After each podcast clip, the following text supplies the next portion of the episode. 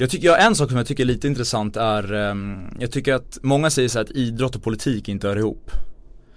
Uh, men jag tycker att, enligt mig i alla fall, att vi, vi som är idrottare som har ändå, man ska säga en ganska stor, stor bas att stå på, man har en del följare som, som följer en och man är en ganska eftertraktad person. Jag tycker att vi, många borde ta, ta mer, mer del av det.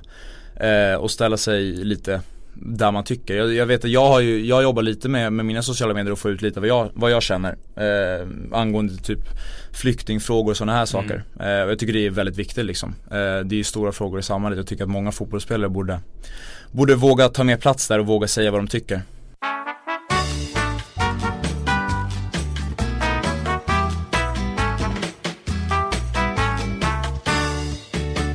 Alltså jag tycker det är gott men det är vätskedrivande så jag vill inte dricka för mycket. Och inte på kvällen heller för då blir man ju pigg. Så ibland. Speciella tillfällen. Ja, typ så. Kan det vara en bra inledning på podden? I så fall hörde ni Felix Beijmo, Djurgården där prata om eh, Kaffe. Ah, kaffe. Välkommen. Det hade varit kul om vi har sagt något Tack annat än kaffe. Ja. Vi sitter på, eh, vi sitter på eh, Aftonbladets poddredaktion och fick in dig här som gäst. Trevligt. Ja, trevligt. Ja, eh, ska vi börja med lite standardfråga eller? Ja, absolut. Eh, ålder 19? 19. Bor? Hemma i Norra Ängby. Eh, fotbollsspelare i Djurgården, gör du något annat vid sidan av? Hinner man det? Eh, nej, fikar och kollar serier. Vad, vad ser du på för serie? Power just nu. Power? Ja. Förklara, jag, jag känner till den. Mm. Det är en populär serie tydligen. Eh, för jag fick den av några lagkamrater men det handlar om knarkkung som eh, driver nattklubbar och är otrogen och ja, mycket drama. Oj, oj, okay. Om du inte skulle spela fotboll, vad hade du gjort då? Uh, det är en väldigt bra fråga, jag har faktiskt ingen aning. Du har aldrig tänkt på? Nej, det har varit fotboll från början för mig faktiskt. När började du spela? När jag var 5-6. Okej. Okay. I Ängby IF. Ja, Ängby, ja, Viktigt okay. att tillägga. Var du duktig i skolan eller? Ja, ganska faktiskt får jag ändå säga. Um, jag gick med ett år äldre i skolan. Jaha, kommer det sig? Jag, jag, hoppade, jag, jag började i min egen ålder, gick sex års ettan, tvåan, trean. Eh, och sen i trean så insåg min lärare att det var väldigt, att det var för enkelt för mig helt enkelt. Eh, så då fick jag gå upp eh, till femman över sommarlovet, så jag gick aldrig i fyran. Hög IQ? Ja, jag vet inte. Så, eh, men det var där ungefär jag pikade någonstans. Sen har jag gått neråt lite efter det. så mina, mina betyg pikade där i sexan, sjuan, sen har det börjat gå ner. Nej men jag, jag gick ut med ganska bra ändå från gymnasiet. Eh, ja. Vad var du var så bra på? Matte, språk eller? Matte var jag ganska vass på. Eh, alltså sådär att jag förstod det. Men jag, jag pluggade väldigt lite så att, och matte är ett sånt ämne där man behöver hela tiden hålla igång kunskaperna och vidareutveckla. Men eh, matte var jag bra på. Eh, vad var jag mer bra på? Ja, matte var, alltså, ja, matte var Vad gick du på gymnasiet då? Vilken linje? Bra med gymnasium på ekonomi. Ekonomilinjen. Ekonomi. Har du bra koll på din ekonomi? Ja, han var ju på banken hyfsat. innan han kom ja, hit. Ja, jag har precis varit på banken så jag försöker få en bättre koll nu i alla fall. Jag har inte så mycket pengar än så att det, det är inte jättemycket att hålla reda på. Eh, bästa bok du har läst? Om du läser böcker? Eh, ja, jag, lä jag har läst eh, Den enda boken jag kom på att jag läst ut är Zlatan-boken. Så det får, får bli den. Bästa film? Uh, The usual suspects är bra. Ja den är grym. Mm. Mm. Vad lyssnade du på för musik när du körde hit? Uh, R&B, uh, svensk hiphop. Någon speciell artist? Uh, Alex är bra. Uh, sen uh, utöver Sverige, mycket Chris Brown. Uh, ja, lite det hållet. Vad får dig att skratta? Mest, lättast? det är mina kompisar.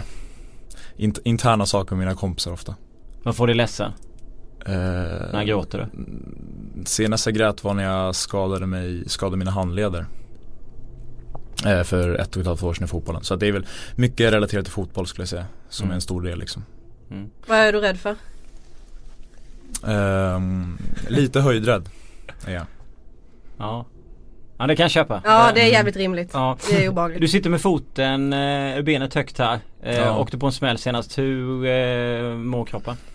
Nej men kroppen mår ändå relativt bra eh, skulle jag säga för att jag hade ju eh, tur ändå får man säga och eh, ja jag kunde ju blivit något värre där på en väldigt otäck smäll men eh, jag mår bra nu och vi eh, jobbar på för att jag ska snart vara tillbaka ehm, och ehm, ja körde träning idag och, och kan börja ja, jogga i alla fall. Så eh, kändes det som idag så att det går framåt. Spelar du derbyt? Eh, vi ska försöka se till så att det kan hända men det är inte 100%. Surt? Ja absolut, det är väldigt surt om jag, inte, om jag inte kan spela men det kommer fler matcher och fler derbyn också. Mm. Eh, du gjorde en intervju med vår kollega mm. eh, Per Boman. Där du sa att du skulle bli världens bästa högerback. Ja, det vill jag. Det är ett skönt citat. Ja men, eh, ja absolut det var ju, det är ju vad jag vill liksom, det är vad jag strävar efter. Eh, Ronaldinho sa det, han sa att du, liksom, du, du, du slutar inte utvecklas förrän du slutar på fotboll. Alltså om du, du kan aldrig nöja dig. Om, om jag, vi säger att jag gör en bra sång nu med Djurgården en till kanske sen lyckas komma utomlands. Då kan inte jag vara nöjd för att jag Nej. har lyckats signa ett utomlandskontrakt. Då måste jag ha något nytt att sträva efter. Det var rätt så många eh, citat som var eh, ja, sköna eller i den stilen med att man ska bli världens bästa back eller att man ska att du skulle springa snabbare än Cristiano Ronaldo på 60 meter. Mm. Vad har du fått för reaktioner på, på den intervjun? Har du fått några? Ja, eller alltså det är väl lite, lite blandat. Lagkamraterna drev ju en del sådär när man kom, när man kom tillbaka dagen efter. Vad fick du höra då? Nej men eh, Kim Källström brukar kalla mig raketen lite på skämt sådär hela tiden och försöker skoja och så Här kommer han, världens bästa högerback och sådär Man får sig lite slänga men det är ju normalt liksom i, i omklädningsrummet eh, Mina grabbar sådär tycker väl att det var en skön intervju eh, de, alltså de backar ju mig i min mm. attityd, tycker att det är rätt liksom mm. Eh, Ja, så det är väl lite Inte så mycket negativt liksom, mer, li, mer lite skoj sådär På vad man säger och annars positivt, bara, ja, bra inställning liksom vem är enligt dig Sveriges bästa högerback? Får man säga sig själv? Nej men, eh, ja men jag måste väl säga Mikael Lustig i nuläget i och med att han startar i A-landslaget. Ja, och världens bästa högerback? Uh, väldigt svår fråga faktiskt. Alltså jag tycker Dan Alves förra säsongen var helt otrolig. Mm. Uh, ja han var ju outstanding så jag måste ändå säga Dan Alves. Mm. Den, uh, det självförtroendet som du har och um attityden och mentaliteten. Eh, jag väger inte att, att den är positiv eller jag menar inte att den är negativ eller så här, Men jag mm. menar Jag undrar var, var kommer den ifrån? Har du alltid haft den eller är det någonting som alltså har formats med dig eh, eftersom att det har gått bra i din fotboll eller? Jag vet, det är, det är en bra fråga. Eh, jag har väl alltid varit ganska framåt, framåtriktad och sagt vad jag tycker. Och liksom jag, jag, jag lutar mig inte tillbaka liksom och jag, och jag står för vad jag tycker och jag tycker väl ofta att jag är ganska bra också. Eh, men det kan väl ha att göra med dels som du säger att man sen unga år har varit ganska framgångsrik i sin, i sin fotboll och i skolan fick jag gå upp ganska snabbt. Man har alltid mm. varit en lite framgångsrik person i, om, i omgivningen sådär. Mm. Att det har byggts en liksom aura runt en att fan, om jag, jag ska visa att jag är liksom i toppen här. Det kan ju vara en, en del och sen eh, förebilder. Eh, absolut att man, man har kollat på många Ja men olika, olika andra, vi ser till exempel fotbollsspelare som har haft bra, bra approach och bra attityd som man har ta, tagit lärdom av. Eh, och sen eh, kanske, ja men folk i sin närhet som, ja men pappa, han kanske inte är jätte sådär men farfar, min farfar är jätte såhär norrlänning, liksom jag är bäst, jag är starkast. Eh, lite så, ja skulle jag säga. Finns det några situationer där det här självförtroendet vacklar? Alltså där du känner att här är jag inte lika bekväm som jag är på fotbollsplanen?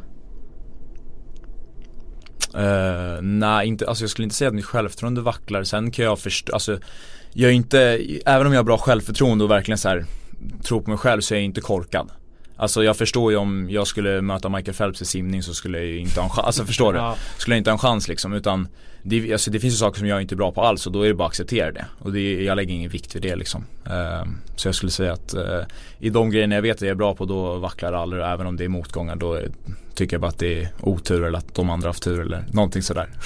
Men det där är faktiskt intressant tycker jag. Uh, för jag vet att du har nämnt Guidetti också mm. som en idol och jag kommer ihåg jag gjorde ett knäck med honom inför eh, returen i Halmstad U21-kvalet innan de gick till U21 som de vann. Och då pratade han också om att han hade ganska mycket haters. Han har ju folk som gillar och, och du vet så här. Och då kan det nog vara så att den attityden som han har hos vissa går inte den riktigt hem. Och då tycker de typ att han är dum eller, eller korkad eller konstig sådär liksom. Mm.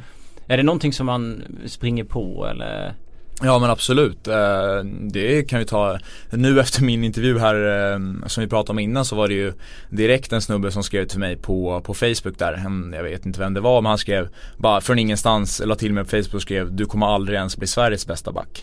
Eh, du vet, så gick jag in på honom, det var någon gammal snubbe som bor i Thailand med någon, ja Såg ja. lite trött ut liksom. Men mm. man svarar inte på sånt. Jag tycker bara det är roligt. Jag screenshotar och skickar till mina grabbar och så garvar åt det liksom. Mm. Vilken snubbe. Så det är ju det är väl sånt som kommer hela tiden men Passar din eh, attityd in lika bra i Djurgården som den gjorde i BP? Um, ehm, ja men i BP var det väl lite, jag ska säga BP är en väldigt så här, det, det har ofta varit att många unga kommer upp och man accepterar att många unga kommer upp. Mm. Eh, så det är lite mer enkelt kan man säga att vara, vara framåtriktad där som ung. Eh, I och med att de, har, de är lite mer vana med det. Men eh, sen ska, väl, ska man ändå säga att jag kom till Djurgården ändå som en ganska, jag ska inte säga stor värvning. Men det var ändå lite så att det var ändå lite, du vet, de, Djurgården visade ändå när de fick mig att vi kan ta konkurrensen med de andra allsvenska toppklubbarna och vi vinner liksom av unga talanger. Så jag, hade, jag kom inte dit som liksom vem som helst om man säger så. Så att jag var ju, jag har ju alltid varit mig själv liksom, jag fortsätter ändå med det och ja, det går hem hos grabbarna och jag kom in bra i laget och ja, de flesta, eller alla, jag tycker om alla sådär så det, det har inte varit något konstigt faktiskt. Är ditt hjärta i BP eller har du haft ett Djurgårdshjärta? Eller har du fått det nu sen flytten? Ja nu har jag fått ett ännu större Djurgårdshjärta men eh, innan så har jag varit Chelsea-hjärta. Faktiskt. Okej. Okay. Ja. Prem Premier League-hjärta. Så att det har egentligen inte varit så mycket eh, Du har inte haft någon favor favoritklubb i Allsvenskan egentligen utan att det har varit Chelsea? alltså när man var så liten liten kanske när man var typ i, alltså sex års ettan, tvåan då var man lite så här, ja men Djurgården, det är många grabbarna i skolan gillar väl Djurgården också så här. I och med att jag är från kanske de lite områdena som mm. många djurgårdare är ifrån. Eh, men sen så har det alltid varit som jag sa Chelsea för mig. Eh, från, redan från eh, barndom. Har det att göra med att du inte har varit så alltså här eh, imponerad av Allsvenskan? Som du, jag läste i någon intervju att ja. du hade sagt att det inte har varit liksom någonting att se upp till. Nej, men eh, det är klart att när man var liten tyckte man att alla allsvenska spelare var liksom bra och coola sådär. Det tycker väl alla som är små. Men, men jag har mer gillat att kolla på den internationella fotbollen för jag tycker den är, mycket, alltså, den är bättre. Det är därför det är eh, mm. den internationella fotbollen helt enkelt. Och då har det blivit att man har kollat mer på Premier League hela tiden. Jag har inte gått på liksom jättemycket allsvenska matcher. Eh, man kanske prioriterar att sitta hemma och kolla på Serie A istället för att gå på, ja men på stadion säger vi och se Djurgården någonting. Mm. Vad lockar med Chelsea eller varför fastnar du för Chelsea? Eh, det är en bra fråga. Det, det, var väl, jag tror jag började heja på dem där under deras, när Abramovic kom. Ja, mycket pengar. så, jag var, så jag var väl, där var jag ganska så här, ja, lite fegt fan som bara valde pengarna liksom. Och nya, ja. nya värvningar med Makelele ja. och SCN och vad de nu hämtade in. Mm. Så att det var, det var den tiden där. Ja. Har du några eh, internationella idoler som du liksom följer eller har följt som du har tagit inspiration av? Mm, ja jag skulle inte säga att jag har haft, jag har aldrig haft någon riktigt så här favorit favoritspelare så på det sättet. Uh, John Guidetti. Ja men, ha, inte favoritspelare det är jag inte men Men äh, jag har alltid gillat Bras Brasilien, det är för ja. mig alltså Även om min, min spelstil på plan är inte riktigt brasiliansk om man säger så, jag är inte den här liksom jättetekniska Joga Bonito snubben Men Nej. jag är ändå, mitt hjärta är ändå i Jag önskar kanske att jag var det lite mer Du vill vara Cafu?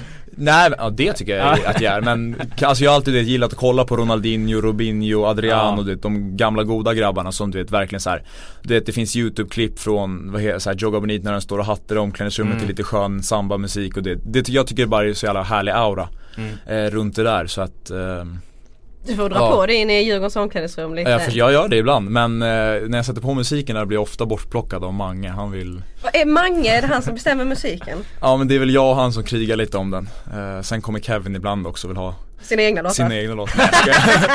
är jag och ni singel här? han sjunger själv. äh, stäng av playbacken, jag kör.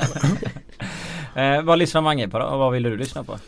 Jag kör mycket som jag sa innan, typ R&B svensk Men kör du när det är liksom matchdag också? Ja Nej men det, ja det kör jag. Svensk hiphop R&B liksom, det är min Jag tycker det är min grej, skönast, eh, ja, skönast eh, digg liksom. Men Mange kör lite mer äldre det kan vara allt från, han kan ha lite R&B liksom, det är inte så mycket svensk hiphop eh, Men det är mycket så gamla goda dängar liksom som jag inte ens vet vilken, han brukar, det, han brukar sätta på den så vänder han sig till mig och bara Felix vet du vilken det här är? Jag bara, eh, jag har ingen aning liksom Så börjar alla de gamla gubbarna bara börja sjunga Och jag fattar ingenting. Är det bra musik då? Eller svensk musik eller vad? Ja, mycket svensk, nej men det är helt, det är helt okej okay. ja. ja det är gött Mange Mm, han lovade att han skulle raka av. Men han har inte gjort det. Ja vi får se. Vadå är det, är det, tar, är det nära? Jag, jag vet inte. Jag ska inte uttala mig. Du vill inte snacka om det? Nej. Det låter bra. Ja, Men du, eh, när du kom till Djurgården sa du att du skulle sätta avtryck. Har du gjort det nu eller behöver man längre tid på sig för att göra det? Eh, nej men jag tycker, jag tycker ändå jag har visat lite vad jag står. Eh, det är ändå med, alltså jag kommer ändå från division 1 som är, det är ändå ett ganska stort steg skulle jag säga. Eh, ja, alltså jag har inte, jag ska inte säga att jag har gjort någon kanonsäsong, det tycker inte jag att jag har gjort. Eh, jag tycker inte jag har varit så här jättebra, men jag tycker ändå jag har varit ganska konstant bra Eh, i alla matcher förutom kanske premiären då, det var, ja men man var lite nervös liksom första matchen inför mycket åskådare. Eh, Men sen tycker jag har varit konstant bra och bara gedigna insatser eh, och visa lite vilken spelartyp jag är och, och vart jag står att man kan förvänta sig hög, hög kvalitet från mig. Eh, Men jag, jag tycker inte att jag har riktigt Riktigt satt det avtrycket än som jag, som jag vill men jag tror att det kommer komma eh, mer längs hösten och framförallt min, mitt andra år då, då känns det som att det kan, kan gå mycket bättre. Det verkar ju vara ett klubbar som eh, följer dig av eh, förklarliga skäl och så, är det väl ofta det är väl en sak om de tittar och sen är det en sak om det kommer bud och, och sådär. Men är du en spelare som vill dominera allsvenskan innan du drar? Eller är du en spelare som kan liksom tänka sig att dra tidigt? Eh, nej men jag, vill, jag är nog mer inne på att jag vill dominera. Typ Kim Källström när han Mm. Ja men uh, han var ju verkligen liksom dominant ja, om man säger så. Mm. Eh, nu var jag lite för ung för att kolla på honom när han var i Ja. sin, men jag- man har ju sett i efterhand liksom. Eh, men jag är nog lite mer åt det hållet att man måste verkligen, man måste visa att man är en nivå över allsvenskan liksom för att få för att verkligen kunna dra. För att enligt mig så, nu för tiden är det ganska många som du vet, de hoppar på tåget så fort de får det. Och så är, Belgien. ja, men exakt, så är de tillbaka efter två år. Ja. Och då har det gått fyra år av deras karriär, helt i onödan nästan. Förstå, alltså det blir mer, och då är hellre för mig att man tar ett år extra kanske, man verkligen presterar vis och sen kommer den där rätta klubben som liksom, vi vill ha dig, du kommer gå in här och spela. Mm. Och då tar man steget istället. Pratar man mycket med det med typ en sån som Kim eller Mange som har varit ute och kommit tillbaka? Eller för den delen Jonas Olsson som har varit ute länge också. Diska med Mm. och sådana saker. Nej, alltså de, de är ju, alla de tre är jättebra de hjälper ju jättemycket sådär. Mm. Både utanför och på plan med lite allmänna saker men inte så mycket liksom nästa steg. Alltså det är mest fokus i nuläget på, på att ta en topplacering med Djurgården liksom. Mm. Eh, så det är det alla fokus på. Sen kanske man tar mer sånt i eftersäsongen eller, eller Mm. nästa sommar sådär. Eh, men jag har ju också agent som, som sköter de där bitarna så att Du la upp en bild med Jonas.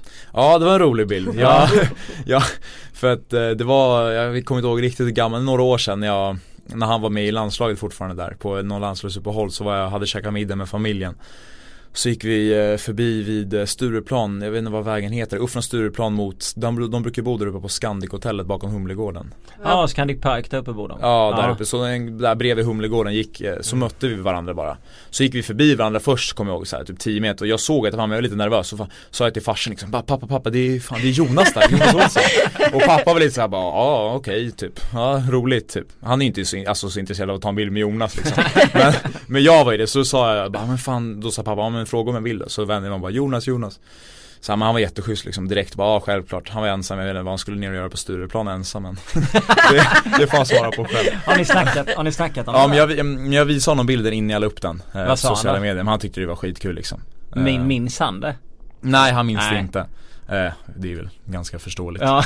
Jag var inte så stor på den tiden Men för, för mig var det i alla fall en rolig bild och ännu roligare nu när vi spelar tillsammans liksom Men hur är det att spela med de eh, ja, ikonerna för dig? Eh, nej men det är häftigt, absolut. Det var mm, Alltså de var ju mer ikoner innan man spelade med dem. Så det, det är ju som alla Känns det som det? Att de liksom har Ja, blivit mer alltså, Nu är de polare. Nu är de, alltså, Ja. jag ska inte säga polare liksom, jag ska inte säga vi är bästa kompisar så. Jag har ju säkert mer respekt för dem än vad de har för mig kanske. Eh, I och med vad de har gjort och jag har inte gjort så mycket än men Men det är ändå så liksom att Alltså på träningsplanen då är vi liksom samma, då är vi lagkamrater eller möter varandra och det är inte som att jag viker mig liksom för dem. Ja. Eh, så det är ju, då- jag skulle säga hade, man hade mer respekt för dem på ett annat sätt innan man började spela med dem och nu är det mer att man Man lyssnar väldigt noga på vad de säger men fortfarande så tänker man att fan vadå jag är på samma nivå liksom. Men när du går ut och, och fikar och sånt som du sa innan att det är ett av eh, fritidsintressena. Mm. Är det några i laget som du fikar med då? Är det några du umgås med? Ja det är väl inte kanske Jonas och Källström då som jag går och fikar med men eh, Det är mer kanske, ja men Engvall, eh, Jonas Augustinsson, Karlström sådär Lite mer mina grabbar i laget Mm, ni är ju lite mer samma ålder Mm, och, precis. Ja, så vidare ja. Men vem är roligast i Djurgården? Eh, det är jag. Du är rolig. Ja men det är, jag är, jag tar på mig den. Nej men eh, jag, är, jag brukar, jag driver ganska mycket med att gå runt och driva med alla. Eh, det är lite sån jag är och sen eh, Ottman är ganska rolig också, El Kabir. Ja. Han säger många roliga saker. Men Eh, gör ni grejer på varandra eller mer snacket? Alltså jävlas ni med varandra? På? Ja men det är lite blandat, det är lite ofta är det mycket tugg, mycket sågningar. Eh, jag och Jonis eh, Augustinus, vi är mycket på varandra. Det är lite den, om man ska säga brodermentaliteten liksom. Att, Mm. ja, va, vart vad han än gör så kommer han få en sågning liksom. Och det är lite samma Mm. tillbaka. Vi delar ju rum också på, på bortamatcher. Men ibland är det lite, lite hyss, absolut. Jag och, ja men kanske Jonis då brukar tjafsa ibland och Ja, lite sådär. Men jävlas man med Kim Källström till exempel? Jonas Nej? Jonas är lite mer att man, eh, han, han kan vara på ibland. Han tror jag, ja, det är, Jonas och jag, vi kan tjafsa ibland absolut. På så här lite driva med varandra och såga varandra. Han är ganska godtaglig för sånt och kan ge också. Ja, Fan låter kul. ja Ja. eh, definitivt. Eh, men eh, okej du bor med Jonis ni är på eh, matcher och det Ja. mest han ni hänger med när du sitter bredvid när ni åker till olika platser och sådär med, som Ja, man hänger buss med sitter liksom. man ju själv liksom. Men, Ja. Ja. Eh, men om eh, roligast var du själv men om du skulle och sen Ottman men, men hur, hur är liksom är det, är det grupper indelat då? Det blir grupper i ett lag så här? Av förklarliga skäl för ålder och sådär liksom? Ja eller? det finns väl alltid lite grupper. Mm. Eh, jag skulle inte säga att vårt lag är så uppdelat faktiskt. Det är ganska mycket att vi har ju, vi ska säga vårt omklädningsrum är, vi har ett pingisbord i mitten. Vi har några, några, vad ska man säga, några bord och stolar med backgammon, mycket som spelas. Och det är lite att alla kör mot alla liksom. Eh, den som vill lira pingis kan möta vem som helst. Eh, sen är det klart kanske att, som jag sa, om jag går utanför eh, träningen och tar en fika så kanske jag gör det med, ja de jag sa, precis, precis likadant Mm. som kanske Jonas, Kim och Isak går ut och, och tar något att dricka liksom på kvällen utan Mm. mig. Men, men på plan skulle jag säga att det är ganska verkligen att alla kan snacka med alla liksom. Är det mycket så här tack vare Öskan känns som att han verkligen värnar om det kollektiva? Tror du att det är han som har påverkat också att det är mindre grupperingar än vad det kanske är i andra lag? Eh, ja men han är duktig på det. Han är jätteduktig. Han jobbar mycket med att få ihop gruppen liksom. Det är hans stora grej. På vilket sätt jobbar han med det? Nej men det är mycket att vi, eh, men på träningarna gör mycket roliga saker, eh, dela upp eh, yngre mot äldre kör vi mycket, splitta lagen lite olika, du vet, hela tiden så här roliga grejer på träningen och sen ut, eh. Och han jobbar ju mycket också med liksom att få igång energin och, och han kan liksom gå fram och, och snacka med alla och klappa om varenda spelare och, och liksom säga några bra ord så att man, så man blir på bra humör. Så det är absolut att det kan vara hans, eh, lite hans förtjänst. Sen vet jag inte hur det var innan jag kom men jag tror att det var ganska bra stämning också. Det är min, min känsla från de andra. Han känns varm Öskan. Varm? Ja, Ja, varm person. nej, men absolut. Ja, han är ju jätte, jättebra person, verkligen. Blir det för familjärt eller är han eh, liksom håller han sig eh, på den professionella? Nej, men han, jag tycker han håller sig professionellt, absolut. Var det Bosse som övertygade dig att välja Djurgården? Eller vad, vad kände du fick liksom? Ehm, ja, Bosse var väl bra på att surra liksom, men, Ja. eh, men Kan man tänka sig? jag skulle, äh, jag låter mig inte, jag övertalades inte så av honom liksom. Det var mer av, av förutsättningar skulle jag säga. Eh, som jag övervägde med min agent och min pappa liksom. Det var Mm. vi själva som, som övervägde och tog beslutet. Men det stod mellan två klubbar eller det? Ja, jag skulle säga i slutändan stod det mellan Djurgården och annan. Mother's Day is around the corner. Find the perfect gift for the mom in your life with a stunning piece of jewelry from Blue Nile. From timeless pearls to dazzling gemstones, Blue Nile has something she'll adore. Need it fast? Most items can ship overnight. Plus, enjoy guaranteed free shipping and returns. Don't miss our special Mother's Day deals. Save big on the season's most beautiful trends. For a limited time, get up to 50% off by going to BlueNile.com. That's BlueNile.com. klubb. Mm. Men Om du, eh, vi tittar på tabellen nu, det är ju en bit upp till eh, Malmö. Mm. Eh, tycker du att de är Sveriges bästa lag förtjänar att vinna Allsvenskan? Ja, så man kan väl inte säga så mycket annat eh, nu egentligen. De leder ju Allsvenskan med 10 poäng. Mm. Eh, sen så, ja, de kanske, i år har de kanske varit bäst men jag tycker inte de, de har varit så, så bra. Eh, jag tycker inte alls att de är 10 poäng bättre än vad vi är. Nej. Det såg man ju senast när vi mötte dem också att jag tycker, ja, vi spelade ut dem totalt liksom och verkligen körde över dem på alla plan förutom målen. Och det är målen som räknas tyvärr eh, för vår del där och det, de är ju skickliga på det. De har gjort mycket mål i slutet och de har fått in sina poäng liksom och det är det vad, som, vad det handlar om i slutändan. Så på det sättet så är de ju eh, bäst i Sverige just nu. Ehm, men det känns som att eh, det kommer bli tajtare nästa år tror jag. Det är två riktigt brutala förluster som Djurgården åkt på mot dem. Jag var mm. nere i Malmö och såg den mm. matchen där nere och sen den här och det blir i slutändan 6 poäng. Mm. Vi säger kryss där på båda dem. Så blir, är det ju ett helt annat läge mm. liksom. Nej absolut. Om vi, jag tror hade vi bara vunnit den här senaste matchen så hade det varit fyra poäng nu. Mm. Eh, tror jag det Så då hade det ju varit med liksom om, om guldet i allra högsta grad. Mm. Eh, och nu är det ju ja, ett ganska stort gap. Men eh, det är ju som det är som jag sa. De, de gör sina mål och tar sina poäng och det är det det handlar om. Mm. Vad tycker du har fattats i Djurgården i år för att eh, ni ska vara närmare Malmö FF? Uh, jag tror det, först och främst tror jag att det var att vi, inte ska inte säga att vi tappade så jättemycket på det men jag tror att vi hade lite att bygga upp om man säger att jag kom in, var det en dag innan transferfönstret stängde Gustav kom in sista timmarna, eh, tränade en träning innan premiären, jag mm. tränade två Jonas Olsson tränade en och en halv vecka Eh, Kim Källström kom i februari, alltså det är ändå fyra liksom startspelare mm. som, som kom in ganska tätt in på seriestarten så det tar ju ändå ett tag att, att bygga upp då. Eh, man, om man kollar nu efter sommaren så har vi varit betydligt bättre, tycker jag i alla fall, eh, än vad vi var innan. Eh, och det har att göra med att vi har fått mer tid tillsammans och, byggt ihop laget och gruppen. Eh, så jag tror att, nu får vi se hur det blir till nästa säsong men det är väl det. Om man får, jag tror att man, man tjänar ganska mycket på att bygga ett lag. Det är bara att kolla på Sirius nu till exempel. Om man går spelare för spelare innan säsongen så hade ju kanske ingen sagt att, alltså varenda spelare de hade förutom kanske Kingsley Sarfo hade, hade folk sagt, att ah, men det här är liksom nedflytt, nedflyttningsstrid. Mm. Men de har ändå jobbat med samma spelare och samma koncept och samma tränare i, vad är det, 4-5 år liksom. Ja. Eh, och då blir det bra till slut. Det jag tror de skulle åka ut. Ja, nej men precis. Det, det, det är ju många som trodde det men det blir bra till slut om man jobbar, jobbar på ett sätt medan, medan alla andra bara switchar runt. Mm. Och jag trodde Häcken skulle vinna. Ja precis. Eh, vem är den eh, jobbigaste spelaren du har mött i Allsvenskan? Eh, Niklas Eliasson får jag ändå säga. I år. Jag tycker att han eh, riktigt duktig är mot den. Mm. Eh, väldigt kvick. Mm. Eh, bra vänsterfot. Jag skulle säga att ja, det är den svåraste motståndaren i år. Är det någon som har retat upp dig? Nej, faktiskt inte. Jag, jag blir inte så lättretad. Tuggar du liksom på plan eller är du? Nej, jag är ganska tyst av mig. Jag jobbar bara. Jag gör mitt eget liksom. Bara fokuserar på det. Säger inte så mycket. Vem känner du att du har ägt i Allsvenskan under en match? Eh, jag tycker att eh, senast när vi mötte Malmö hemma så blev de totalt uppkäkade på vänsterkanten av mig och Harris, får jag ändå säga. De slog inte ett enda inlägg för vår kant och det är ganska bra betyg mot serieledarna. Mm. Absolut. Har du gjort några dåliga beslut i din karriär? Mm, nej, skulle jag inte säga. Vad är ditt bästa beslut? Uh, mitt bästa beslut är nog att stanna kvar i BP efter att vi åkt ur Superettan. Mm. Hur var det att vara under Olof? Det, ja, men det är precis det som jag menar. Det, det, verkligen, alltså det var jättebra för mig ja. eh, det året.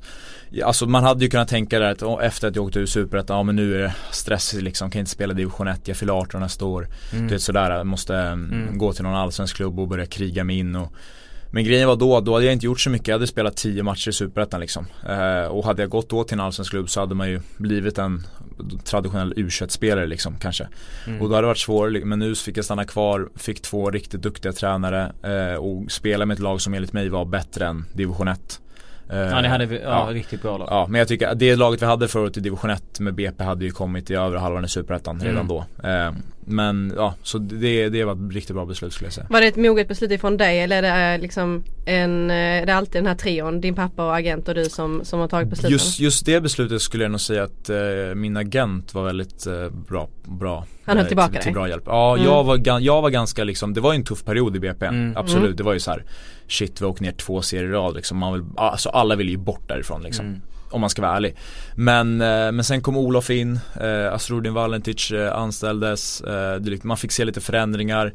Och sen min agent han sa liksom att absolut, du kan gå nu men du kommer inte få något bra liksom. Det, alltså, du, du vet, jag var ändå med i landslaget, det är klart att man skulle få erbjudande men men han bara, det, det, är inte värt liksom. Det, han, bara, han sa till mig då liksom direkt att stanna kvar, eh, han bara gör ett bra år i division 1 och gå upp så lovar jag att jag säljer dig till en toppallsvensk klubb. Eh, så då var det bara att tro på honom där och så blev det ju så. Hyllning till agent. Ja men verkligen. Mm. Ja. Stort. Kul att de gör något bra. men, eh, men Olof som, eh, som tränare han, har ju, han hade ju en trupp som var för bra för division 1. Eh, gör det bra i superettan. Hur, mm. hur bra tränare kommer han bli efter, efter att du har haft honom? Vad tror du? Liksom? Mm. Ja, han kan bli en riktigt bra tränare absolut. Um, det beror på, jag vet inte hur han, men det, nu verkar det som att hans ambitionsnivå är ganska hög. Det verkar som att han har fått en nytändning liksom i och med tränaryrket att han vill satsa på det fullt mm. ut liksom och nå en, en karriär där också. Och då, han har ju en, en fantastisk inställning, det har man ju sett sen han, sen han lirar liksom. Så om man anammar den på tränaryrket också så kommer han ju nå, nå riktigt långt. Uh, och jag tror att speciellt kombon med, med hans assisterande nu, uh, Astrodin Valentic där, det, de är riktigt bra tillsammans. Uh, så får vi se vad de gör, om de stannar kvar i BP ett år till, om de går upp till Allsvenskan eller om de går vidare. Men om de två hänger ihop så tror jag att de uh, kommer göra det bra i Allsvenskan också, vilket mm. lag de än kör. Vad lärde Olof dig? det var väldigt mycket taktiskt skulle jag säga. Um, de är väldigt, väldigt noggranna i alla förberedelser inför lagen och alla träningsmetoder utifrån, utifrån hur, hur de ska spela nästa match och vilka som ska spela var och vad din position är så tränar du alltid utifrån matchsituationen och utifrån vad som kommer hända med extrem noggrannhet liksom. Um, så, och sen ja, och mycket taktik, eh, olika koncept. De hade, har ett, liksom ett grundkoncept som de utgår ifrån och sen justerar de eh, beroende på vilka de möter och utifrån vad de ska möta. Mm. Eh, så det är mycket så, eh, taktiskt och, och, så som jag lärde mig. Och tal om noggrannhet så känns det ju extremt noggrann även i dina förberedelser. Mm. Det man har läst. Kan du inte mm. berätta matchdag? Det dags att gå upp. Vad gör du? Det beror på när matchen är men jag skulle säga Ta dagen före match istället. Vad äter du när du går och lägger dig? Nej men eh, om, oh, vi ser om vi har matchen eh, en lördag 16.00 säger vi. Mm. Eh, då kör jag väl, på fredag så har vi träning som vanligt. Eh, sen så, um, ja, går jag, så käkar vi lunchen, går jag hem. Eh, ja, vilar lite. Sen till middag alltid pasta dagen innan match. Eh, för det är bra kolhydrater liksom. Käkar en bra pasta på kvällen, eh, sitter i mina återhämtningsbyxor typ Hur ser de ut? Du har ingen bild på? Jag, jag, kom på det sen att fan jag skulle ju vettigt ta med dem Nej men de, det är ju inte så lätt att ta med dem, de är ganska stora Men det är som tänk, Är det sant? Ja men eh, tänk er skidbyxor Du vet ja. så stora termosbyxor mm. man tar på sig när man åker skidor liksom ja. Det är ungefär så stora, lite så tjocka, man hoppar in i dem så är det som eh, eh, liksom trådar eller eh, slangar på fyra punkter på benen som är, stoppar in så här. Så stoppar in i eluttaget och så har en stor maskin, en sån här huvud eh, huvud, ja, vad säger man? huvudapparat, generator ja. som pumpar in eh, luften då, då, så att det blir som ett lufttryck och kompression på de här fyra olika punkterna. Så finns det olika program som man kör ja, för återhämtning. Och de sitter upp hit? Och ja precis, det är hela fötterna och sen upp till höften. Måste du ha benen rakt då? Eller ja. kan man liksom sitta eller Nej, man... alltså man, du sitter, jag brukar sitta på golvet eller i sängen med raka ben och liksom ryggen mot äh, väggen. Ja. Det blir lätt alltså. Du kör en halvtimme? Ja, en halvtimme ungefär. Varje dag eller? Ja, jag brukar köra i alla fall, jag skulle säga i alla fall 4-5 gånger i veckan. Vad tittar du på då? När du liksom... Nej, då blir det power. då blir det power? Ja, så det är ett avsnitt power? Och sen... Ett avsnitt power och återhämtningsbyxorna. Det är bra kvällsaktivitet skulle jag säga. Ja. Men sen om jag ska fortsätta, sen går jag väl, ja, sen efter det så kollar man väl någon fotboll eller något, sen går man och lägger sig Vaknar vid 8.30 eh, Käkar frukost. Ja då blir det väl en, ja jag äter ju inte mjukt bröd eh, för Knäckebröd äter du? Ja knäckebröd ja. käkar jag bara för att jag tycker mjukt bröd det är, det är bara onödigt känns som. Bara få i extra i magen liksom. Det, Jag behöver inte det, det känns som knäckebröd, då håller man sig tight liksom. Jag får anteckna det här, och två pannor innan. Nej men då blir det knäckebröd. Vad tar du på knäckebrödet då? Nej det är Men blir du inte hungrig direkt då? Nej men jag, vi säger att jag tar två knäckebröd, mackor och lite havregrynsgröt med blåbär och hallon typ. Och kanel. Inga bananer den dagen då? Ja kanske en banan också. Kanske banan. Ja typ så. Eh, Käkar det. Och sen lunch på matchdag alltid fisk. Eh, Och ingen pasta, det tycker jag blir tunga på matchdag. Helst ris då, ingen potatis.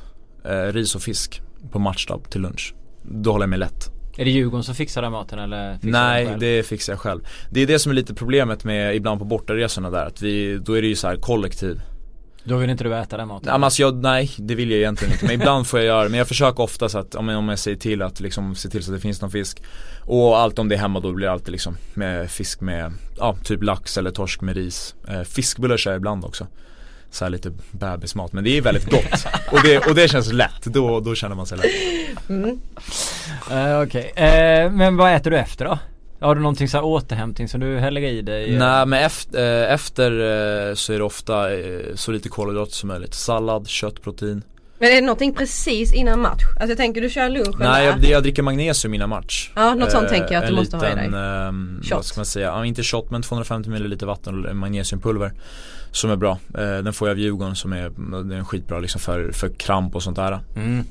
Den är bra att dricka innan match um, Förut körde jag på, men det jag slutar med nu, men det körde jag på rödbetsshots Mm, Eh, det har jag. Jag mm. körde rödbetsshots eh, en gång per dag eh, Hela tiden förut och tre timmar innan match, fyra timmar innan match ungefär För att, ja men för musklernas, ja så här kramp och orka mer Men det har jag lagt av med nu, jag vet inte riktigt varför men jag, jag börjar med magnesium istället kan man säga låter coolare. Ja, Magnesium. jag vet. Fan då äter du rätt mycket pasta och fisk då eller? Hela tiden? Ja, nej. Är det samma Ris. eller byter du ut? Byter du ut pastan eller är det alltid samma pasta? Nej, pasta det kan vara lite allt möjligt. Det kan vara pasta med köttfärssås, pasta Mm. med kyckling. Det är lite så här, bara för med pastan liksom dagen innan match, det är det viktiga. Eh, ja, och sen fisken på, på match då skulle jag säga det Är viktiga. återhämtningen lika viktig för dig som eh, det förberedande? Ja Ja absolut Jag har lite så här, jag har ju lite problem jag kan säga med min, jag, är, jag, är, jag har en tjej då, då. Ehm, Hon gillar ju inte fotboll egentligen, hon gillar ju att kolla på mig liksom. Eh, Och hon förstår ju ingenting av vad jag håller på med, alltså hon tycker jag är totalt korkad liksom. För att jag har ju så här, jag, eh, vi, hon vill ju alltid sova liksom, det är ju normalt, man sover ju med sin partner ofta. Men jag vill ju inte sova med henne när det är match på söndag, då sover ju inte vi fredag, lördag liksom, ingen chans. Nej. Ofta sover vi en gång i veckan, två gånger i veckan. Inför ledig dag kanske. Eh, Så hon har Tålmodig tjej. Ja men hon är, men eh, henne har jag tackat, men hon är ju fantastisk liksom Hon står ut verkligen Men jag får ju ofta höra också att jag är dum i huvudet Mm. eh, Men det får man ju ta Då säger jag till henne att hon, eh, ja Pengarna kommer förhoppningsvis Så hon håller ut Men äh, käkar ni, inte- ni käkar inte tillsammans heller då? Ni umgås knappt de här sista dagarna innan. Jo, nej, Ja, det är klart vi umgås Ja. Men det är, vi, du vet, vi kan ses eh, vi ser hon, vi, dag, hon kan komma till mig dagen innan match liksom och käka med mig absolut, då får hon bara acceptera vad jag ska käka liksom eh, Och sen när jag ska sitta i min återhämtningsbyxor då får hon sitta bredvid och kolla på, kolla på power liksom det, Älskling kan du ändra värmen? Kolla på power men eh, ja, men det funkar bra Ja. Ja, men det är ju Man får ge och inga... ta lite också, ibland får man Jo. ge tillbaka Men är det någon så här eh, godis och filmkvällar liksom? När du kopplar av Nej, helt? det var länge sedan jag, vi körde någon sån Jag- Alltså jag kör, jag, eh, jag kan äta lite När åt du godis sist? Det var en bra fråga, jag vet inte. Men jag har, jag har, eh, jag brukar inte ha så mycket sånt där. eh, Men någon gång ibland, så, här, ja men varannan vecka, någon gång så här enstaka gång, då kan jag köpa lösgodis. Det är min grej. Och då har jag två, två smaker. Så det, Så spännande, vilka? ja, det är röda Ferrari-bilarna och eh, rosblå bubblis. Ja de är goda, Blissis Då kör jag typ 10 10 av varje. Så Mm. får jag 20 bitar liksom. Mm. Perfekt. Typ om det är Premier League kanske och kolla på lite, då kan man köra lite Inga chips, nötter? Nej, chips gillar jag inte. Det är, Skulle du vilja ha en Ferrari? Ja, det är klart. Men är det, skulle, om det, är när pengarna rullar in som du säger till din Ja. tjej, är det en Ferrari då eller är det någon annan bil? Nej det skulle jag inte säga. Jag är inte jättebilintresserad. Jag kommer nog fokusera mer på att köpa klocka först kanske. Eller, eller hus eller lägenhet. för klocka då? nu går ni igång. Klocka. Eh, nej men det är en bra fråga också. Jag kanske börjar med något så här, något, stabil, något stabilt Rolex eller något. Men det är väl sånt också man blir kanske lite mer intresserad av när pengarna börjar rulla in. När man känner att man kan göra det liksom. Då kanske man blir lite mer intresserad av det. Men skulle du kalla dina förberedelser och återhämtning för tvångstankar? Eller för någonting som är nödvändigt eh, till den karriär som du håller på att bygga och den som du är i? Ja, jag tycker det är nödvändigt. Eh, absolut. Alltså, men fotbollsspelare det är lite speciellt yrke i och med att vi har kanske inte så långa arbetsdagar. Vi ses typ klockan 8.45 för frukost. Eh, tränar och sen är vi klara vid 13.30 liksom. Eh, och då har man ju hela eftermiddagen kvällen för sig. Men, men många tror du vet, ja ah, ni har så mycket fritid. Men vad fan, jag minns inte senast jag var ute liksom. Alltså mina kompisar går ut två gånger i veckan och festar och du vet, träffar kompisar och tjejer. Men det kan inte jag göra för att jag måste vara hemma och köra återhämtningsbyxorna och, och Det är svårt med dem på krogen. Ja men precis, Nej, det, ja, men, kan... nej men det är lite så liksom. Mm. Eh, att man, man får ju offra en del. Eh, så det är ju, jag tycker det är nödvändigt. Går du på A-brunnar? Räknar du liksom eh, stegen du tar till dörren? Har du andra sådana saker som du fokuserar på också? Eh, nej jag är lite, jag gillar inte att prata om skador. Nej, Uh, peppar, peppar. Men, eh, och katten som springer framför vägen är det värsta jag vet. det är inte bra. nej, men det är typ de två. Men du är inte så att du låser dörren tre gånger eller Nej, nej. inget annat sånt?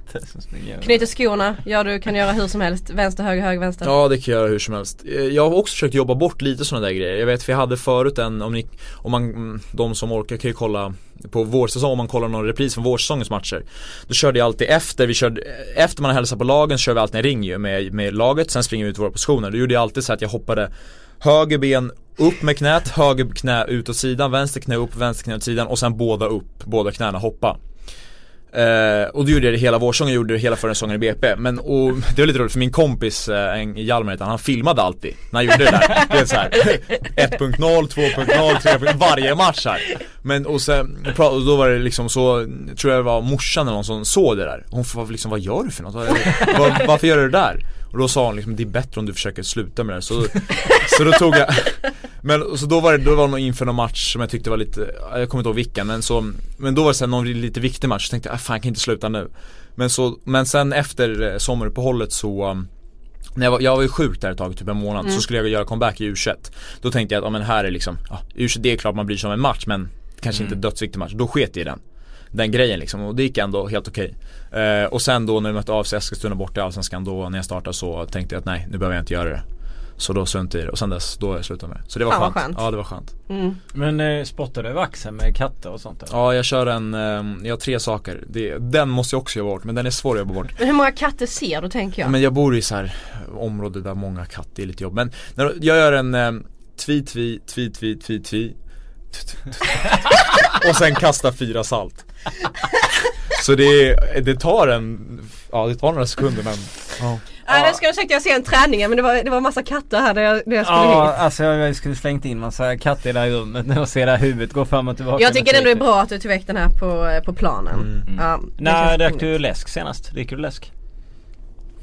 Ja, det var väl, läsk dricker jag nästan aldrig Nej. faktiskt. Alltså verkligen nästan aldrig.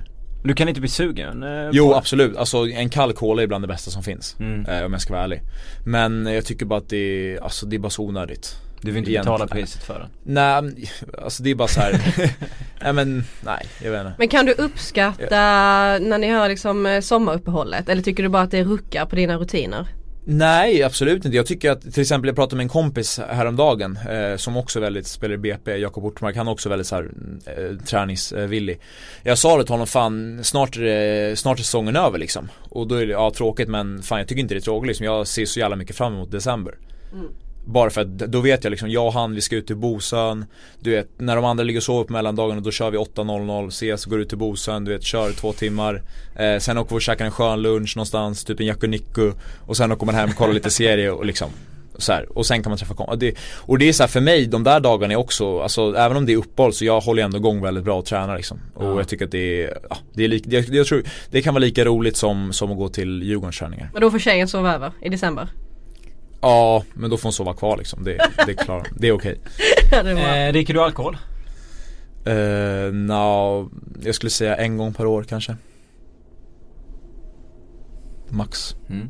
Nej men det, alltså för, för ibland, ibland kan man känna typ att eh, om man är i det livet där man liksom, där du är med att du väljer bort olika saker så lär man sig den livsstilen och kroppen vänjer sig vid den. Jag läste någonstans att det kan ta två, tre månader ibland där för kroppen att vänja sig av med någonting och få något nytt. Så du kanske inte har samma sug som andra efter socker och sånt där. Nej. Eller? Jag vet inte. Nej det, det kan absolut stämma Ja.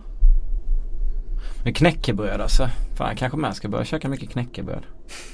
Nej det är bra En bra grej. Ja Hur Ja. mycket har blivit inspirerad av eh, andra i BP att göra den typen av grejer? Kommer du på det själv eller liksom tar du efter Ludde men, eller? Ja men jag är väldigt så här. äh, jag, ska, ja, men jag sa förut att jag inte är korkad men jag vet inte hur jag ska förklara det här men och, Ja men till exempel om ni säger till mig att det är bättre att gå barfota liksom Då kommer jag gå barfota, alltså förstår du för att det är bättre för fotsulorna, då gör jag det liksom mm. Lite så här, jag tar efter allting eh, Bara det kan ge en procents fördel Mm. liksom kan det, kan det göra mig en procent bättre? Ja men varför inte? Alltså varför ska jag inte göra det egentligen? Det är inte som att det kommer göra mig sämre Nej. så jag anammar i stort sett allting jag hör och från olika parter och mer trovärdiga, mindre trovärdiga och sådär. Ehm, ja. Så att om en speci- ja men i BP då har jag haft många, eh, vi ser John Guidetti då speciellt, eh, liksom kanske började med den här stilen. Eh, sex år äldre än mig. Eh, lyssnar mycket, eller kollar mycket på honom och lyssnar på honom de gånger man har träffat honom liksom. Kört med samma tränare eh, och Ludde och Tibbling då också. Eh, anammade lite av honom och jag anammade lite av dem. Du liksom. kört fys med samma som Ja precis, vi har en eh, individuell tränare, eh, Nebes, Ja, där Nebes som, vi, som ja. vi alla har kört med. Ja. För att utveckla ja, men, allt från liksom allmän styrka till snabbhet, sprintuthållighet och sådär. Är det någon i Djurgården tror du som är lika noggrann som dig? Eh, jag vet att Jonis, eh, Luddes lillebror, han är ju väldigt noggrann. Han är lite, de är ju lite samma liksom. De, de tar ju av varandra så att han är ju också Jag och Jonis brukar surra mycket liksom och, om sådana här grejer. Triggar varandra? Ja absolut. Eh, derbyt. Hur Mm. kommer det gå? Eh, ja, jag hoppas framförallt att jag kanske kan vara med och spela då. då. Mm. Men eh, ja, jag hoppas att vi vinner. Eh, vi är i bra form och vi vill ta andra platsen om det Om Malmö inte skulle börja tappa poäng men i alla fall andra platsen liksom och då eh, måste vi vinna sådana här matcher. Vad var det där med skjorta på fredagar? Ja men det är skjortfredag, det vet jag inte vem som kom på. Man måste ha sk- skjorta varje fredag i Djurgården. Du hade, du, jag, jag läste någon text om Ja, men du köpte skjortor Ja. för det hade ingen från början Ja men jag, jag har aldrig varit någon skjortkille riktigt. Nej, Um, sitter jag, i tröja här inne bara så Ja men jag kör mycket tröja, snygga tröjor, t-shirtar, Mm. lite mer sportiga sneakers liksom sådär eh, Och sen är det klart man har lite finare kläder också, det har ju alla men Det hade varit min stil riktigt sådär. Så, så när man kom hit då var det skjortfredag liksom. Så jag körde ju, hade ju en skjorta, körde ju samma skjorta hela våren liksom. Sen kom sommar, då var jag tvungen att gå och köpa två nya, liksom, gå ut och komma med samma skjorta varje fredag hela året så att Nu har jag i alla fall tre. Eh, har du något intresse eh, så här vid sidan av? Eh, som liksom folk inte vet om eller har du några sådana här Andra världskriget. Ja men alltså Nej, det, nej, nej faktiskt inte. Det är ingenting som du eh, Spelar du inte tv-spel tänker Ja, jag? Jo, tv-spel spelar absolut men jag är ganska tråkig så jag spelar FIFA. Alltså om man tänker fotbollstråkig. Ja, det är jag. Vilket lag, är, är du Chelsea då? Ja, jag, jag gillar inte riktigt dem på FIFA, jag gillar mer, um, ja men United är bra. Om man, Sen tycker jag det är roligare att spela lite mindre lag, typ, ja men halvbra såhär Tottenham. eh, ja, men på fi, om man, De som vet FIFA vet att Tottenham inte är, de är Nej. inte världsklass på FIFA liksom nej.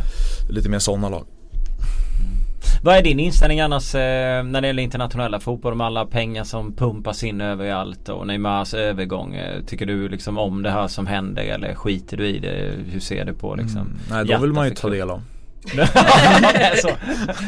Nej men jag tycker att ehm, absolut det börjar gå lite över, överstyr, alltså det får man ändå vara ärlig och säga liksom. Mm. Och speciellt kan jag säga att jag tycker det börjar bli för mycket när det blir så smutsiga affärer. Mm. Eh, som jag, jag läste något nu om Neymar-affären liksom att det var någon, något oljeföretag som hade gått in och betalat hans lön liksom och Mm. på något sätt att han skulle köpa ut sig själv för kontrakt och så här. Mm. Och då blir det lite för mig att det har gått över gränsen. Alltså det, då tycker jag liksom att nu får, nu får man softa ner lite. Eh, Eh, men annars så, alltså han är ju en spelare som är värd väldigt mycket pengar liksom. Sen är frågan om han är värd 2 miljarder men ja, idag var han ju det men det blir lite så här, du vet förr i tiden, vad- jag vet inte vad, vad fick man Zidane för liksom?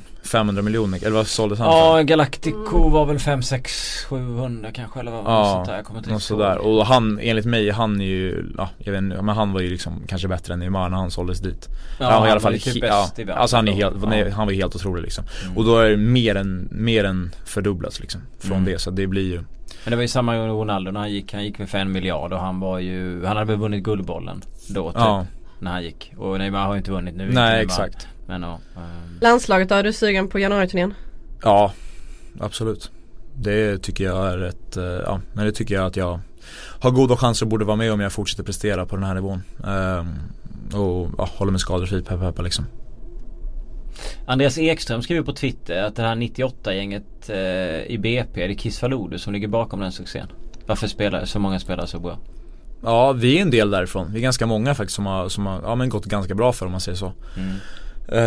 S- men vi hade ju Kiss Faludi som tränare. Eh, Mm. Jag tror det var två sessioner, eh, kanske fyra, fem år totalt. Mm. absolut, han har hjälpt oss mycket liksom. Det ska man inte säga någonting annat. Men det är ju många tränare också, jag kan säga, som jag sa där, si, mitt sista år i BP med, med Olof och Valli eh, var jättenyttigt för mig också. Eh, de hjälpte mig jättemycket men ja, Kissen är väl en av de som ska ha mycket cred också. Kan du se det som en generationsfråga i att du är så noga med dina förberedelser om man kollar i Djurgården. De som, spelarna som är äldre. Är de lite mer loose i sin inställning till hur man förbereder sig eller att de kanske inte då påpekar att de vill ha eh, fisk inför en match. Att det är liksom din generation är mer noggranna med förberedelser för att man, vet, man är mer medveten om vilka förutsättningar som man kan ge kroppen så att den håller längre. Mm, ja men det, det, tror jag absolut att det är. Ehm, det är väl den här nya, lite nya approachen som många har, jag har och lite andra. Ehm, men det känns också som att hela, man ska, alltså även de som är en 27-28 nu, att de också börjar anamma det lite. Ehm, jag vet, ja men några i vårt lag liksom som, du vet, man lyssnar lite på oss unga också liksom, vad fan, ja, men varför, varför kör du fisk liksom eh, på match då? Eller Eh, varför har de här byxorna till exempel? Ja men fan jag är ju bara 27, jag är ju 6-7 år kvar liksom på, på toppnivå om man säger så. Det är ju klart att jag kan ta mig någonstans, alltså förstår du? Så jag tror att det börjar bli lite mer upp i åldern också som börjar ta efter det. Eh, sen kanske de allra äldsta, de är väl lite mer såhär, men jag kanske inte ska ut igen så jag kan ju ta det lite lugnare. Men sen tycker jag Kim Källström, han är ju väldigt seriös också. Eh, går ofta in i gymmet själv efter träningarna, kör eh, bål och sådär för att hålla sig eh, ja, i form. Men det blev ju ett jävla uppsving när de vann eh, U21-EM. Alltså ja. i och med att eh, Ludde Tibbling och, eh, och John och eh, Milosevic tränade också mm. extra där med. Och det var mycket snack just om det där med att köra mycket extra. Jag vet vi skrev om det där, gjorde friskriv. Vi var och träffade Nebus och, och eh, John och, och de ute på Bosen där vid något tillfälle. Så det känns ju som det var någonting som har verkligen tagit fart med. Att det är annorlunda nu än vad, än vad det var tidigare. Mm. Ja men det har det gjort. Så, ja men det är kanske som du säger de här De som vann U21-EM Där var det ju många som var, var, hade den stilen och det är klart när de blir framgångsrika då ser man att det funkar Alltså det är inte konstigt, det är bara att kolla på dem liksom. Ludde nu eh, Ordinarie Bundesliga-lag som kom, vadå, topp 7-8 i Bundesliga förra året Tror jag ja. Werder Bremen kom typ en 8 eh, John spelar mycket i Celta Vigo, Europa League semifinal eh, Tibbling ja men var ordinarie i Groningen ändå i två år. Mm. Eh, nu i Danmark men kommer säkert gå upp igen liksom. Och det, det går ganska bra för dem. Eh, Nilsson Lindelöf var ju där också, nu i United. Sen vet jag inte riktigt hur han är eh, i den saken. Men det, det, är ändå många från det laget som, som mm. det går bra för. Och det är klart, för fan, om de gör någonting rätt då vill man ju Då tror jag att många tänker, ja men de gör det, då kan jag också göra det. Hur, du, hur, ser du din karriär? Alltså vad tänker du att du ska hamna? Vilka steg ska du ta? Vad ska du göra? Jag tänker att eh, nu tog jag ett bra steg till Djurgården. Eh, från division 1 till start i Allsvenskan. Eh, härifrån rimligt steg är väl, eh, ja men eh, Europa, jag ska säga Tyskland är väl en bra, en liga som skulle passa mig tror jag ganska bra. Något lite mindre lag i Tyskland kanske inte finns något jätte, finns ju inga småklubbar där men ni förstår vad jag menar lite så.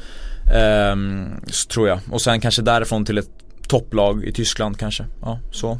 Eller Ja det finns ju många olika vägar men i alla fall det viktiga för mig i alla fall tror jag att man får, att man får den här, det här att man får den här känslan som jag fick lite för Djurgården att det är en klubb som tror på en. Eh, mm. Att det är liksom att man, när, när man väl ska gå från allsvenskan då ska man känna att ja, men nu tar jag ett steg för att stanna. Och jag tar ett steg för att sen kunna ta ett till steg. Mm. Och inte så här, nu tar jag steg och sen får vi se hur det går och sen kanske jag kommer tillbaka. Jag kan alltid falla tillbaka på Djurgården. För så kan man inte tänka liksom. Det, det går inte att tänka så utan man måste, vara, måste ha, enligt mig, ganska bra plan utstakad. Eh, och när du får rätt erbjudande då måste du liksom se över det och tänka lite i framtiden också. Det känns som att du har ett gyllene exempel i, din, eh, i ditt bagage. Sen det här beslutet att du skulle stanna kvar i BP och att det blev lyckat för mm. dig. Än att man ska stressa hela mm. tiden. Så att man kanske kan luta sig tillbaka på att du vet om att även om jag stannar i Djurgården till nästa säsong mm. så kan det liksom resultera i någonting bra.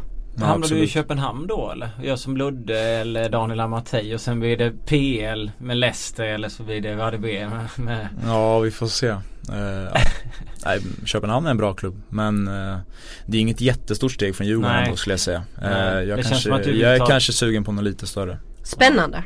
Mm. Ja, men Premier League är en sån liga som alla vill spela i? Ja absolut, Premier League är en sån liga som alla vill spela Det blir ju svårare och svårare att ta sig till Premier League nu också skulle jag säga med, med alla pengar Men om jag ska vara Premier League är favoritliga men den ligan jag tror passar mig bäst är nog tyska ligan Är det Ludde som har övertalat dig?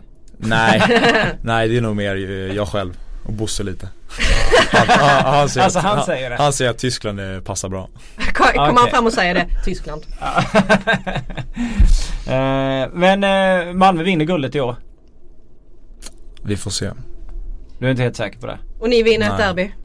Ja hur jobbigt är det där egentligen? Vi skriver om de här spökena och, och det där och vissa efter matcherna säger fan det finns inga spöken och Nej alltså mm, Det är kanske är svårt för dig som inte har varit där. Grejen är, grejen är det som blir, jag förstår ju, jag förstår att alla skriver och de, alla snackar hit och dit, det, det är normalt men Men grejen för mig och för oss som är nu, det är att vi har inte varit där så länge. Det är det som blir lite fel om man säger för oss spelare nu att du vet, ja men jag har bara spelat två, två derbyn. Um, för mig är det så här, det är klart att alltså, alla matcher är värda tre poäng i Allsvenskan. Mm. Sen är det klart att man hellre tar tre poäng kanske mot AIK än tre poäng mot, mot Halmstad om man fick välja. Mm. Uh, men, uh, men det är värde, det är alltså, ja jag tänker inte så mycket på, på vad som har varit utan enligt mig, jag spelar två och då, de torskar och det är för dåligt enligt mig. Mm. Eh, men jag tänker inte mer utöver det liksom i, bakåt i tiden så utan jag tänker bara på mig själv och det, då var det för dåligt. Eh, och sen nu tycker jag att vi ska vinna de kommande två. Eh, sen får vi se hur det går. Alltså jag tänker bara ja, på mina egna matcher och, och vad jag tror. Mm. Slutligen. Mm. Eh, vi har ställt massor med frågor till dig.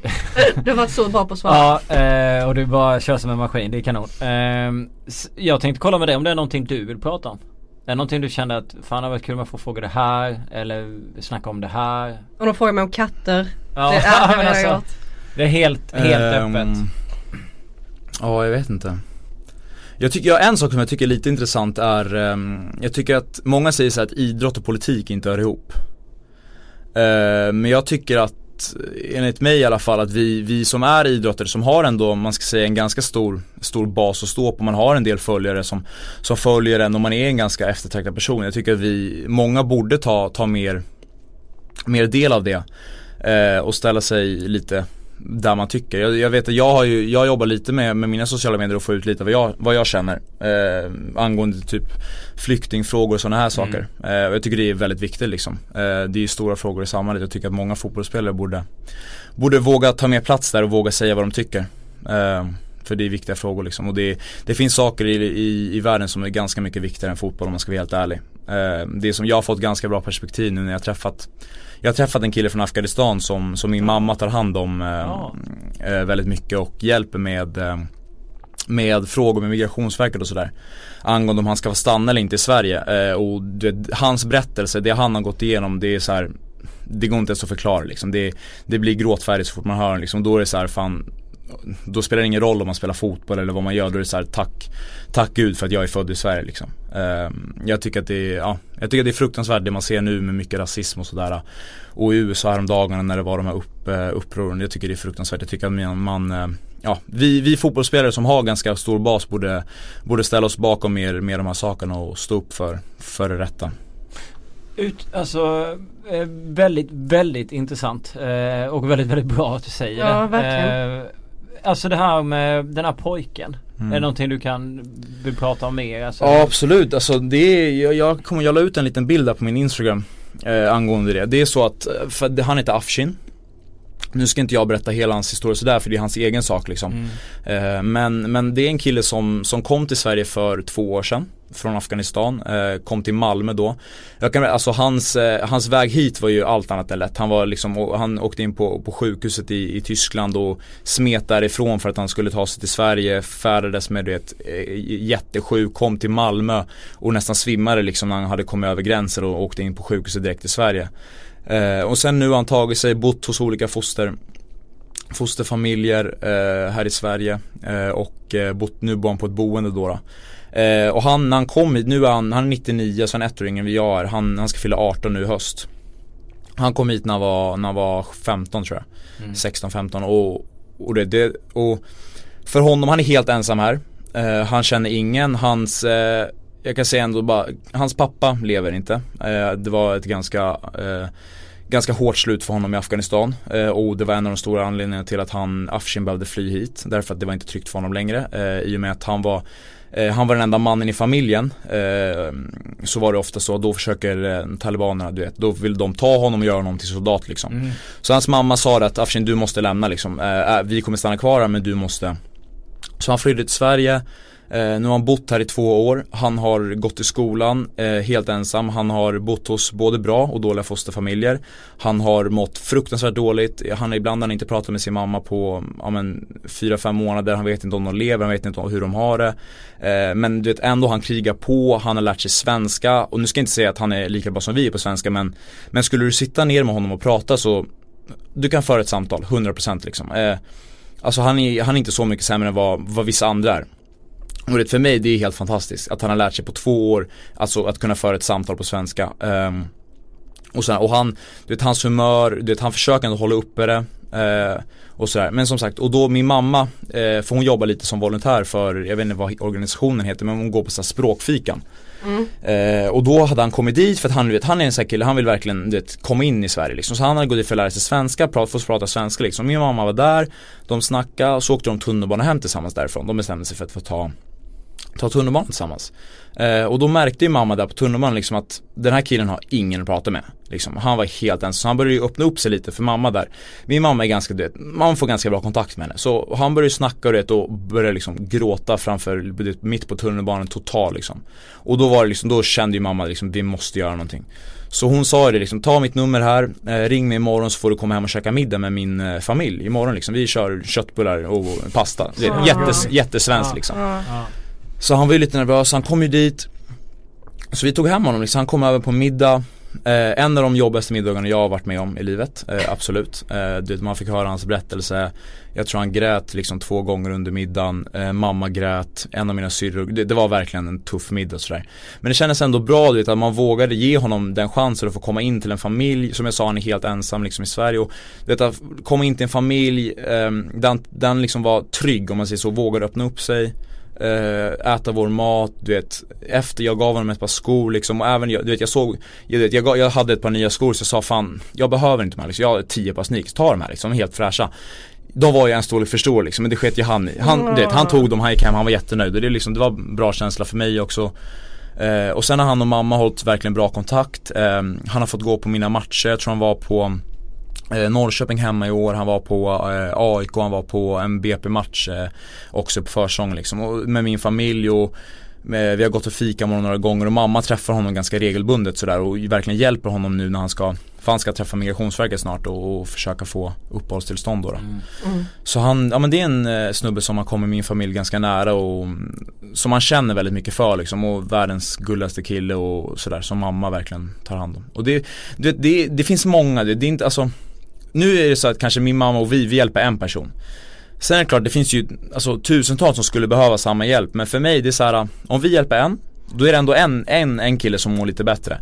Så kanske kan du hjälpa en, du, du vet Alla kan hjälpa någon, så, så blir det bättre. Alltså Enligt mig, jag tror inte det finns någon som, det finns ingen som flyr till ett annat land för att de eh, vill. Förstår du? Om du är uppväxt någonstans, du är född, du trivs Alltså du flyr ju inte någon annanstans eh, om du trivs, om du vill bo hemma. De gör ju det i nöd liksom. Du kommer ju till ett annat land för att du har inget alternativ.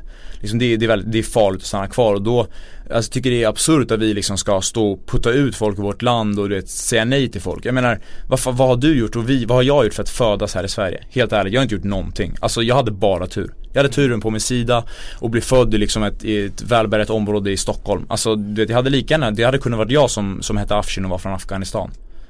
Eh, så att jag tycker man, man, man borde ge tillbaka mer till, eh, till många människor i världen och till samhället eh, med de här frågorna. För att, ja, som sagt jag tycker bara, ja, liksom in the end of the day så har man haft tur att man är där man är och, och jag tycker alla förtjänar en lika chans.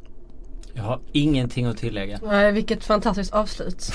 Mm. Eh, fin historia, eh, fint att ha dig här, fina tankar. Eh, lycka till resten av säsongen. Stort lycka till ja. Tack så mycket.